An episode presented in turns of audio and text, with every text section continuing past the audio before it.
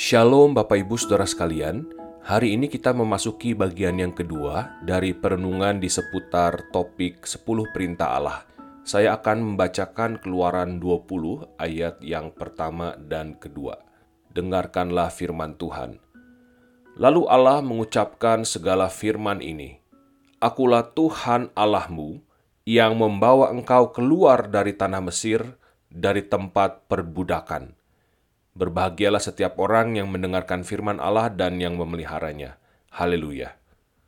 Di episode yang lalu kita sudah melihat bahwa kedatangan Yesus itu bukan untuk meniadakan hukum Taurat, tetapi untuk menggenapi hukum Taurat. Karena itu buat kita yang sudah diselamatkan oleh anugerah di dalam Tuhan Yesus, hukum Tuhan itu adalah bagian penting dari spiritualitas kita. Nah, hari ini kita akan mulai masuk ke dalam teks 10 perintah Allah di Keluaran pasal 20. Namun saya pertama-tama akan mengajak kita untuk memperhatikan introduksi dari 10 perintah Allah ini. Jadi sebelum Tuhan memberikan perintah yang pertama, itu ada introduksinya dulu, yaitu di ayatnya yang kedua, yang tadi baru saya bacakan. Akulah Tuhan Allahmu yang membawa engkau keluar dari tanah Mesir, dari tempat perbudakan. Ini introduksi yang penting sekali untuk kita bisa memaknai, memahami 10 perintah Allah. Introduksi ini menyoroti dua hal. Yang pertama, ini menyoroti identitas Allah. Akulah Tuhan Allahmu.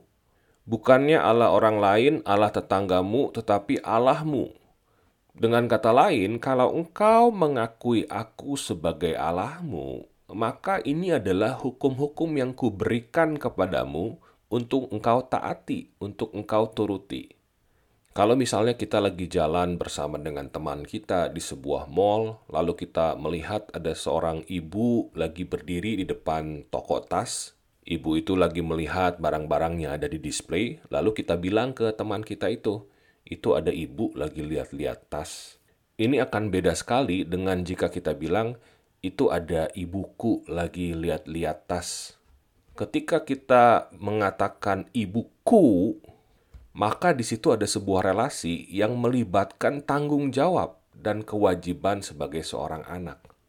Demikian halnya relasi kita dengan Tuhan. Kita bisa memanggil Tuhan ya Tuhan, Tuhan secara general, kita percaya Tuhan itu berkuasa, kita percaya Tuhan itu yang mengatur segala sesuatu. Tetapi ketika kita mengatakan Tuhanku, itu sudah ada sebuah penundukan diri bahwa saya ini tunduk di bawah kekuasaannya Tuhan. Kenapa saya mesti tunduk di bawah kekuasaannya Tuhan? Nah, ini menuntun kita kepada poin kedua yang digarisbawahi di dalam introduksi di ayat 2 ini. Akulah Tuhan Allahmu yang membawa engkau keluar dari tanah Mesir, dari tempat perbudakan. Tuhan yang identitasnya Allahmu ini bukanlah Tuhan yang eluf, Tuhan yang jauh yang tidak peduli dengan semua pergumulan hidupmu, bukan. Aku adalah Tuhan yang sudah membawa engkau keluar dari tanah Mesir. Dulu engkau adalah budak, tidak bebas. Tetapi sekarang engkau sudah kubebaskan keluar dari tempat perbudakan.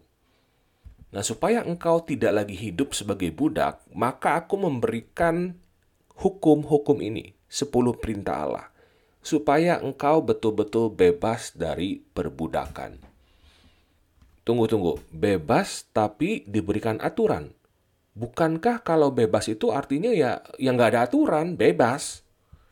Bapak Ibu Saudara sekalian, kita bebas nggak berkata-kata dalam bahasa Indonesia?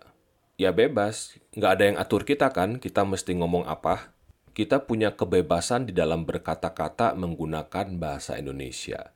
Tapi sadar nggak, kita bisa bebas berkata-kata karena kita itu tunduk pada satu aturan.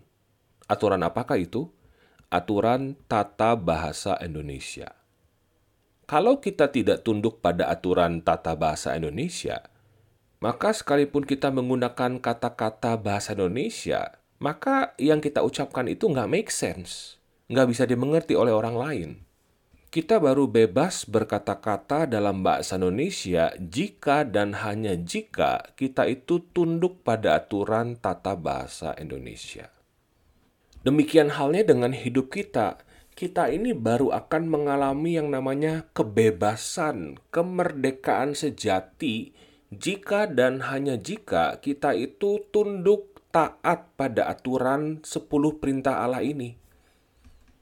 Kita ambil aja satu contoh di 10 perintah Allah, misalnya hukum yang ketujuh, jangan berzina.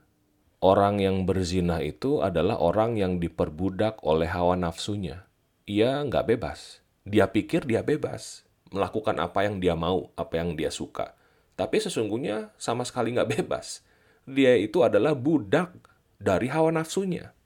Apa yang dia lakukan itu semua dikendalikan oleh hawa nafsu dia. Dia sesungguhnya sama sekali tidak bebas. Orang yang bebas adalah orang yang bisa mengendalikan hawa nafsunya, yang tidak berzina.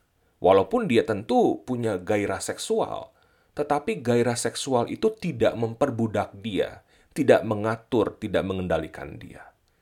Inilah kebebasan sejati di dalam Tuhan. Kalau kita mengakui Tuhan sebagai Tuhannya kita, bukannya Tuhannya orang lain, maka sudah sepatutnya kita menganggap hukum Tuhan ini penting untuk kita taati. Karena sesungguhnya hukum ini pun Tuhan berikan supaya kita itu mengalami kebebasan sejati, kemerdekaan sejati, kebahagiaan sejati. Tuhan sudah menjadi manusia, menderita sengsara, mati disalibkan buat kita supaya kita tidak lagi hidup sebagai budak-budak dosa. Sepuluh perintah Allah adalah petunjuk yang Tuhan berikan supaya hidup kita tidak lagi menjadi budak dosa. Dengan demikian kita sudah siap untuk menyimak petunjuk Tuhan melalui perintah yang pertama di episode mendatang. Tuhan memberkati kita semua. Amin.